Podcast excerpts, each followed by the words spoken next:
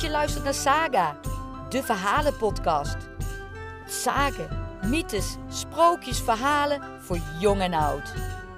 Een verhaal voor het slapen gaan, onderweg, lekker lui op de bank, het maakt niks uit. Sluit je ogen en luister.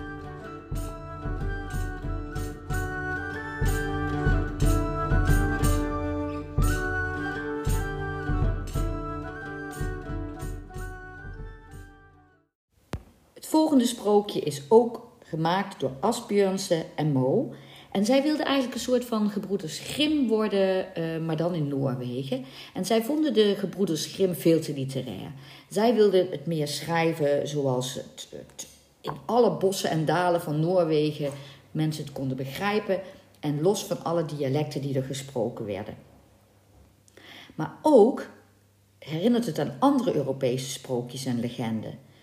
Het volgende sprookje heet Oostelijk van de zon en Westelijk van de maan. En dat is eigenlijk een versie van de Griekse legende van Amor en Psyche.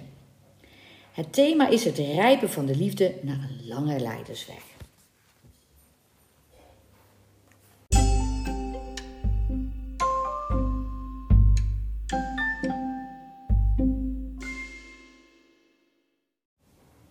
Oostelijk van de zon en westelijk van de maan. Er was eens een arme boer met een huis vol kinderen, die zijn kroost, wat eten en kleren betrof, niet veel te bieden had. Knap, dat waren ze allemaal, maar de knapste van hen allemaal was de jongste dochter, die zo mooi was, het was ongelooflijk. Het was op een donderdagavond, diep in de herfst. Het was lelijk weer buiten en verschrikkelijk donker. Het regende en het waaide. De wanden kraakten ervan. Ze zaten met de hele familie om het vuur en iedereen had wat om handen. Plotseling werd er drie keer op de ruit geklopt. De man ging naar buiten om te zien wat er aan de hand was. En toen hij buiten kwam, stond daar een heel, heel grote witte beer. Goedenavond, boer, zei de witte beer. Ook goedenavond, zei de man. Als jij mij je jongste dochter wilt geven, dan zal ik je zo rijk maken als je nu arm bent, zei de beer. Ja, het lachte de man wel toe om zo rijk te zijn. Maar hij vond dat hij er toch eerst eens met zijn dochter over moest spreken. En hij ging naar binnen en zei dat er een grote witte beer buiten stond, die hem beloofd had hen alle heel rijk te zullen maken, als hij de jongste dochter van hen maar kreeg. Het meisje zei nee, want ze wilde liever niet. En toen ging de man weer naar buiten en hij wist het met de witte beer op een akkoordje te gooien en af te spreken dat hij de volgende donderdagavond nog eens om antwoord terug zou komen. Nou, intussen gunde ze het meisje geen enkel ogenblik rust meer. Ze praatten en ze zaagden maar door over de rijkdom die ze zouden hebben en hoe goed zij het zelf ook zou krijgen. En tenslotte gaf ze dan toe. Ze waste en verstelde haar lompen, knapte zich zo goed ze kon op en hield zich grijsvaardig. Veel zou ze niet meekrijgen. De volgende donderdagavond kwam de witte beer haar halen. Ze nam met haar bundeltje op haar rug plaats, op zijn rug plaats en ze vertrokken. Toen ze een flink stuk hadden afgelegd, zei de witte beer: Ben je bang? Nee, dat was ze niet. Houd je maar goed vast aan mijn pels, dan zal je niets overkomen, zei hij. Ze reed en ze reed en tenslotte kwamen ze aan bij een grote berg. De witte beer klopte aan. En toen ging er een poort open en kwamen ze in een slot. Alle vertrekken waren verlicht. Het schitterde er van het goud en het zilver. Er was ook een grote zaal waar een gedekte tafel stond, die zo heerlijk met spijs en drank beladen was, dat geen mens zich kan voorstellen hoe heerlijk. Toen gaf de witte beer haar een zilveren bel. Als er iets was wat ze wilde hebben, dan moest ze daarmee bellen, dan kreeg ze het.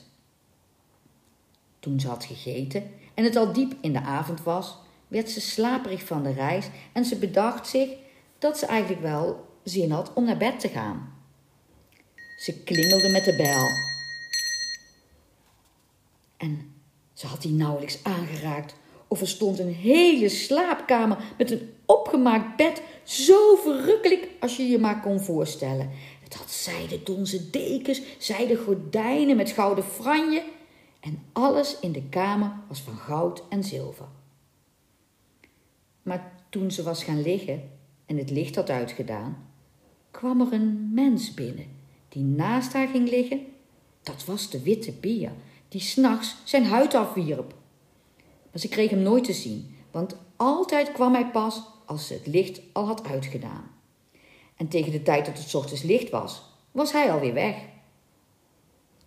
Het ging zo een hele poos goed, maar toen begon ze langzamerhand al stiller en bedroefder te worden. Want ze was de hele dag zo alleen en ze had zo'n verlangen naar haar ouders en haar broers en zussen.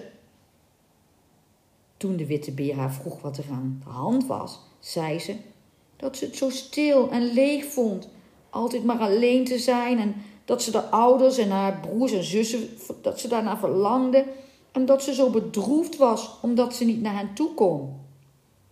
Daar weet ik misschien wel raad op, zei de witte beer.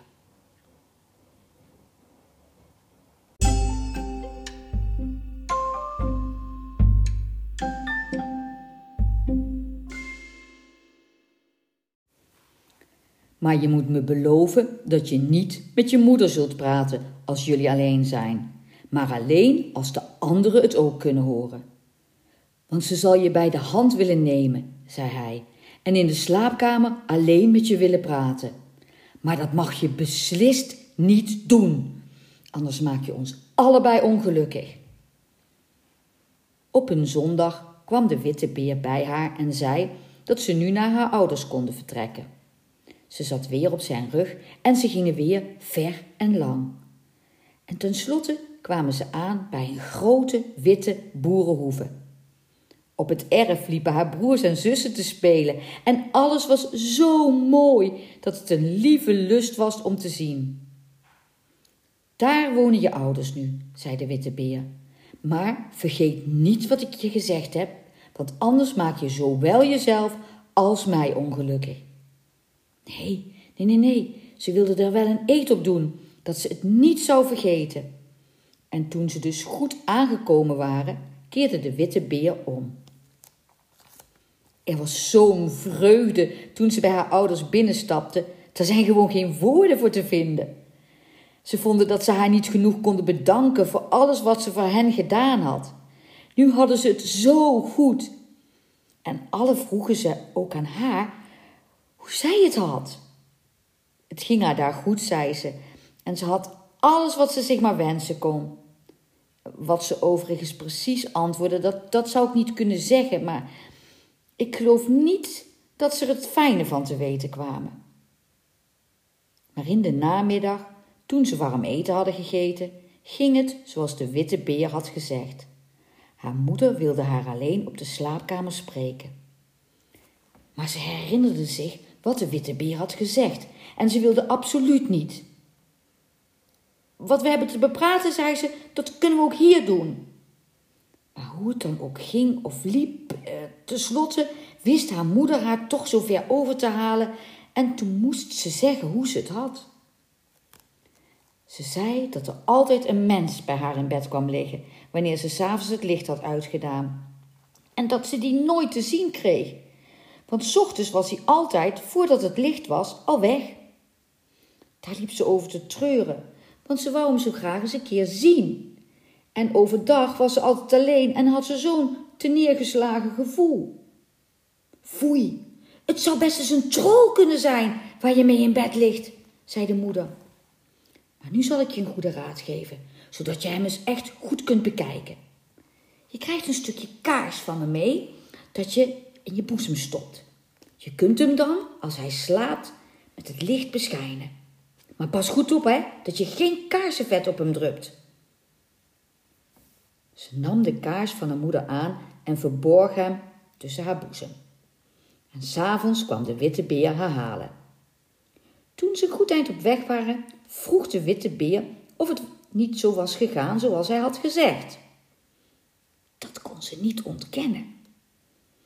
Als je naar je moeder hebt geluisterd, heb je ons allebei ongelukkig gemaakt en dan is het uit tussen ons, zei hij.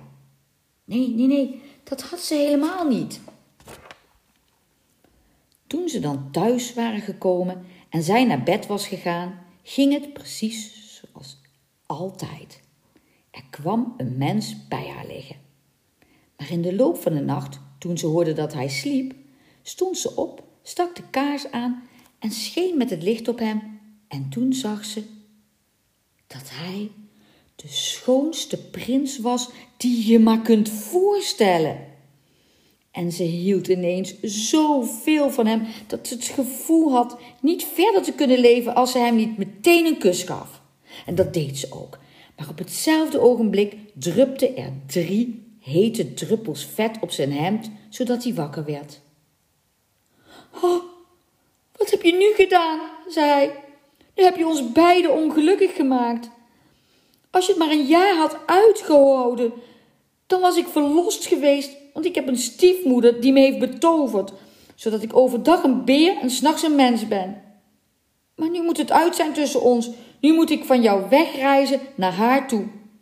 Ze woont in een slot dat oostelijk van de zon en westelijk van de maan ligt. En daar is een prinses met een neus die drie el lang is en haar moet ik nu trouwen. Ze huilde en jammerde, maar er was niets aan te doen. Hij moest weg. Toen vroeg ze of ze dan niet met hem mee mocht. Maar nee, dat ging niet. Kun je me dan niet de weg zeggen? Dan zal ik je wel opzoeken. Dat zal toch wel mogen? zei ze. Ja, dat kon. Maar er was geen weg naartoe. Het lag oostelijk van de zon en westelijk van de maan, en dat zou ze nimmer bereiken. Toen ze ochtends wakker werd, waren de prins en het slot weg. Ze lag op een kleine groene plek midden in een donker, dicht bos en naast haar lag dezelfde armoedige bundel die ze van huis meegenomen had. Toen ze de slaap uit haar ogen had gevreven en zich moe had gehuild, begaf ze zich op weg en ze liep dagen en dagen lang tot ze bij een grote berg kwam. Voor de berg zat een oud vrouwtje met een gouden appel te spelen. Aan haar vroeg ze of zij de weg ook wist naar de prins die bij zijn stiefmoeder was in een slot dat oostelijk van de zon en westelijk van de maan lag en die een prinses met een neus die drie el lang was moest trouwen. Waar ken je hem van? vroeg de vrouw. Of ben jij soms degene die met, met hem had moeten trouwen? Ja, dat was waar.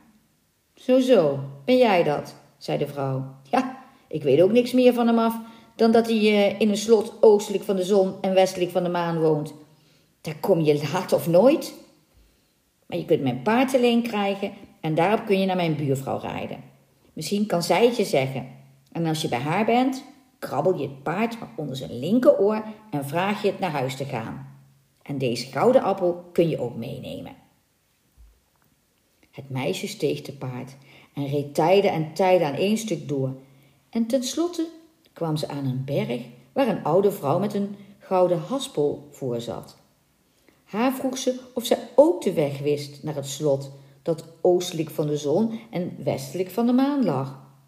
Ze zei, net als de andere vrouw, dat ze daar niets van wist, maar in elk geval was het oostelijk van de zon en westelijk van de maan. En daar kom je laat of nooit. Maar je kunt mijn paard te leen krijgen tot mijn laatste buurvrouw en misschien dat die het weet. En als je bij haar komt, dan krabbel je het paard maar onder zijn linkeroor en vraag je het naar huis te gaan. En toen gaf ze haar ook de haspel, want die kon ze nog wel eens nodig hebben, zei ze. Het meisje steeg te paard en reed weer tijden en tijden aan één stuk door. En te lange leste kwam ze bij een grote berg. En daar zat een oud vrouwtje op een gouden stok te spinnen. Haar vroeg het meisje ook of ze de weg naar de prins wist en waar het slot was dat oostelijk van de zon en westelijk van de maan lag. Toen ging het weer precies hetzelfde. Had jij uh, de prins soms moeten trouwen? vroeg het vrouwtje. Ja, zo had het moeten zijn. Maar ook deze oude vrouw wist de weg niet beter dan de andere twee. Oostelijk van de zon en westelijk van de maan was het wel. Dat wist ze zeker. En daar kom je laat of nooit. Maar je kunt mijn paard wel lenen.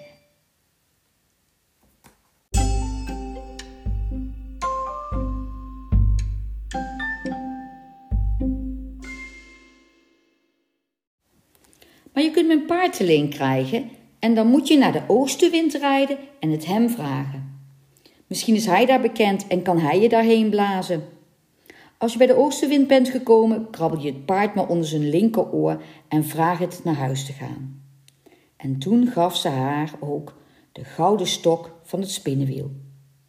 Misschien kan je dat nog wel eens van dienst zijn, zei de vrouw. Het meisje reed dagen en dagen en tijden aan tijden aan één stuk door voor ze er aankwam. En toen vroeg ze de oostenwind of hij haar ook de weg kon zeggen naar de prins, die oostelijk van de zon en westelijk van de maan woonde. Ja, over die prins had hij wel eens horen spreken, maar de weg wist hij niet, want zo ver had hij nog nooit gewaaid. Maar als je wilt, dan zal ik je naar mijn broer, de westenwind, brengen. Misschien weet hij het, want hij is veel sterker. Je gaat maar op mijn rug zitten, dan draag ik je wel heen. Dat deed ze en ze schoten flink op. Toen ze aangekomen waren, gingen ze naar binnen. En de oostenwind zei dat hij het meisje dat hij bij zich had, degene was die de prins uit het slot, dat oostelijk van de zon en westelijk van de maan was gelegen, had zullen trouwen. Ze was op reis gegaan om de prins te zoeken en nu had hij, de oostenwind, haar hierheen geleid en wilde hij graag horen of de westenwind ook wist waar het slot lag. Nee, zover heb ik nooit geblazen, zei de westenwind. Maar als je wilt, dan zal ik je naar de zuidenwind brengen, want hij is veel sterker dan een van ons beiden en hij heeft wijd en zijd rondgezworven. Misschien kan hij het je zeggen. Je kunt op mijn rug gaan zitten en dan zal ik er je heen dragen. Ja, dat wilde ze. Ze reisden naar de zuidenwind en lang waren ze niet onderweg, mogen we aannemen. Toen ze aankwamen, vroeg de westenwind of hij het meisje misschien ook de weg kon zeggen naar het slot oostelijk van de zon en westelijk van de maan. Zij was de bruid van de prins daar vandaan. O ja, zei de zuidenwind, is dat zo? Ja, ik ben van mijn levensdagen wel overal geweest, maar zo ver heb ik nog nooit gewaaid. Maar als je wilt, dan breng ik je naar mijn broer, de Noordenwind. Hij is de oudste en de sterkste van ons allen. En als hij het niet weet waar het is, nou, dan kan je er ook nergens anders ter wereld achter komen. Kunt op mijn rug gaan zitten en dan zal ik er je naartoe dragen. Ze ging op zijn rug zitten en hij ging er vandoor met een ontzettende vaart. Ze waren dan ook niet lang onderweg. Toen ze bij de noordenwind aankwamen, was die zo woest en dol dat er uit de verte al een koude luchtstroom te voelen was. Wat willen jullie? schreeuwde hij al van verre, zodat het, ze ijs en ijskoud kregen. Je moet niet zo tekeer gaan, zei de zuidenwind, want ik ben, ik ben het. En verder het meisje dat de prins die in het slot oostelijk van de zon en westelijk van de maan woont, had moeten trouwen. En nu wil ze jou vragen of jij die contraille kent en haar daar de weg heen kunt zeggen. Want ze wilde hem weer zo graag terugvinden. Nou, ik weet wel waar het is, zei de noordenwind. Ik heb er eens een enkele keer een esperblad heen geblazen en daar ben ik toen zo moe van geworden dat ik dagenlang niet in staat ben geweest om te blazen. Maar als je er per se heen wilt en je niet bang van mijn gezelschap bent, dan zal ik je op mijn rug nemen en proberen of ik je erheen kan blazen. Ja, ze moest en zou erheen. En als het ook maar op enige, enige wijze mogelijk was. En bang was ze niet, ook al ging het er nogal zo woest en wild aan toe. Goed, goed, dan moet je hier de nacht maar blijven, zei de noordenwind. Want we hebben de hele dag nodig om dat slot te bereiken. De volgende ochtend vroeg wekte de noordenwind haar, blies zich op en maakte zich zo groot en sterk dat het, het verschrikkelijk was. En toen ging het er vandoor, hoog door het luchtruim, alsof ze meteen maar naar het eind van de wereld wilde. In de dorpen stormde het zo hard dat er zowel huizen als hele bossen omvergeblazen werden. Toen ze bij de oceaan aankwamen, leden de schepen bij honderden schipbreuk. Ze vlogen maar door, zo lang, zo lang, dat geen mens er enig idee van kan hebben hoe lang ze wel vlogen. En verder ging het maar over zee en de noordenwind werd dan vermoeider en vermoeider en raakte zo uitgeput dat hij haast niet meer in staat was om nog lang te vlazen. En lager en lager daalde ze en tenslotte vloog het meisje zo laag dat de golftoppen om haar heen sloegen. Ben je bang? vroeg de noordenwind. Nee, zei ze, dat was ze niet. Maar ze waren nu ook niet meer ver van het land af. En de noordenwind beschikte tenslotte over nog net genoeg kracht om haar vlak onder de vensters van het slot, dat oostelijk van de zon en westelijk van de maan lag, op het strand te werpen. Maar toen was hij er ook zo ellendig aan toe dat hij vele dagen moest uitrusten voordat hij weer naar huis kon. De volgende ochtend ging ze met de gouden appel voor de vensters van het slot zitten spelen en het eerste wat ze zag was de prinses met de lange neus die de prins zou trouwen. Hoeveel moet jij voor die gouden appel van je hebben? sprak ze door haar neus en een kier van het venster. Die is voor geen goud nog goed te koop, zei het meisje. Is die niet voor goud of goed te koop? Wat wil je er dan voor hebben? Je kan krijgen wat je wilt, zei de prinses. Ja, als ik naar de prins toe mag, die er is, en vannacht, bij hem mag blijven, dan kan je hem krijgen, zei zij, die met de noordenwind was gekomen. Ja, dat kon ze wel. Dat zou wel gaan. De prinses kreeg de gouden appel. Maar toen het meisje s'avonds in de kamer van de prins kwam, toen sliep hij. Ze riep naar hem en ze schudde hem heen en weer en ze, ze huilde, ze schreeuwde. Maar ze kon hem niet wakker krijgen, want ze hadden hem s'avonds namelijk een slaapdrank gegeven. S'morgens kwam de prinses met de lange neus en joeg haar het slot weer uit. In de loop van de dag ging ze voor de vensters van het slot met de haspel zitten draaien. En toen ging het weer precies hetzelfde. De prinses vroeg wat ze ervoor wilde hebben en het meisje zei dat die nog voor goud of goed te koop was. Maar dat, als ze naar de prins zou mogen en s'nachts bij hem mocht blijven, de prinses met de lange neus de garenwinder kon krijgen. Maar toen het meisje bij hem boven kwam, sliep hij weer. En hoe ze ook riep en schreeuwde en aan hem schudde, hij sliep op een wijze dat er geen leven in hem te krijgen was. En toen het weer ochtend werd, kwam de prinses met de lange neus en joeg er weer de deur uit. In de loop van de dag ging het meisje voor het venster van het slot op de gouden stok om te spinnen. Toen wilde de prinses met de lange neus die ook hebben. Ze deed het raam open en vroeg wat ze ervoor moest hebben. Het meisje zei nu, net als bij de beide vorige keren, dat ze voor goud nog goed te koop was. Maar als ze naar de prins mocht en s'nachts bij hem mocht blijven, de prinses de stok om te spinnen zou krijgen. Dat mocht ze. Maar nu zaten in dat slot enkele mensen gevangen. En die waren in de kamer die naast die van de prins lag. Zij hadden gehoord dat daar binnen een vrouwspersoon was geweest, die twee nachten aan één stuk door had zitten huilen en roepen, en dat hadden ze tegen de prins gezegd. S'avonds, toen de prinses met de lange neus het slaapdrank kwam brengen, deed hij alsof hij dronk. Maar in werkelijkheid wierp hij de drank over zijn schouder, want hij begreep nu heel goed dat het de slaapdrank was. Toen het meisje deze keer binnenkwam, was de prins wakker. En toen moest ze vertellen hoe ze in het slot was gekomen. Nou, je komt nog net op het goede moment ook, zei de prins. Want morgen zouden we bruiloft hebben. Maar ik wil die neus niet en jij bent de enige die me kan verlossen. Ik zal zeggen dat ik wil zien wat mijn bruid kan. En dan zal ik haar vragen het hemd met de drie kaarsvlekken te wassen. En dat zal ze dan proberen, want ze weet niet dat jij die erop gemorst hebt. Maar daar is mensenvolk voor nodig en geen zulk trollentuig. Dat was het. En dan zal ik zeggen dat ik geen ander tot bruid wil hebben dan degene die dat hemd schoon kan krijgen. Jij kunt het, dat weet ik.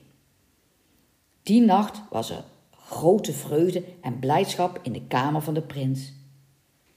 En de volgende ochtend, toen er bruiloft gehouden zou worden, zei de prins: Ik wil eigenlijk eerst eens zien wat mijn bruid kan. Nou, dat was goed, zei zijn stiefmoeder. Ook een troll. Ik heb een fijn hemd dat ik als, bruids, uh, als wil gebruiken. Maar er zitten drie kaarsenvlekken op die eraf gewassen moeten worden. En nu heb ik gezworen dat ik geen andere vrouw neem dan het meisje dat ze eraf kan wassen.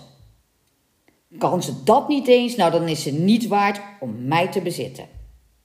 Ha, nou, daar was er geen kunst aan. De vrouwen gingen, gingen erop in. En zij met die lange neus, die begon te wassen, zo goed ze kon. Maar hoe meer ze waste en wreef, hoe groter die vlekken werden. Je kunt niet wassen, zei de oude trollenvrouw, haar moeder. Laat mij maar eens.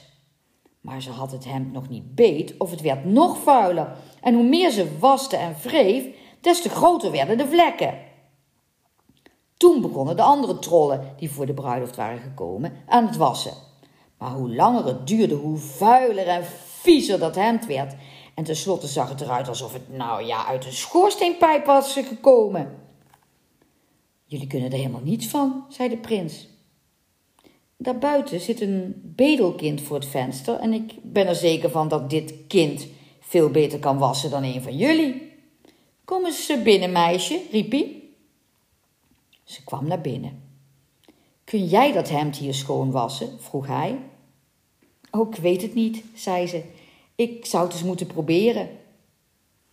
En ze had het hemd nog niet eens in haar handen en in het water gedoopt, gedoopt of het was al verblindend wit, als pasgevallen sneeuw. Ah, witter nog. Jou wil ik hebben, zei de prins. Toen werd die oude trollenvrouw zo boos dat ze barstte. En die trollenprinses met die lange neus en al die andere trollen, die barsten zeker ook. Want ik moet je heel eerlijk zeggen, sindsdien heb ik nooit meer iets van ze gehoord. De prins en zijn bruid verlosten toen ook alle mensen die gevangen zaten in het kasteel. En ze namen vervolgens zoveel goud en zilver mee als ze maar konden dragen. En ze gingen zo ver mogelijk van dat slot vandaan. Het slot oostelijk van de zon en westelijk van de maan.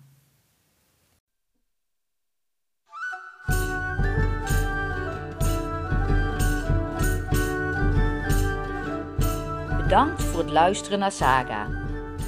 Vind je deze podcast leuk? Volg ons dan door middel van het vinkje aan te klikken en je zo te abonneren. Tot snel!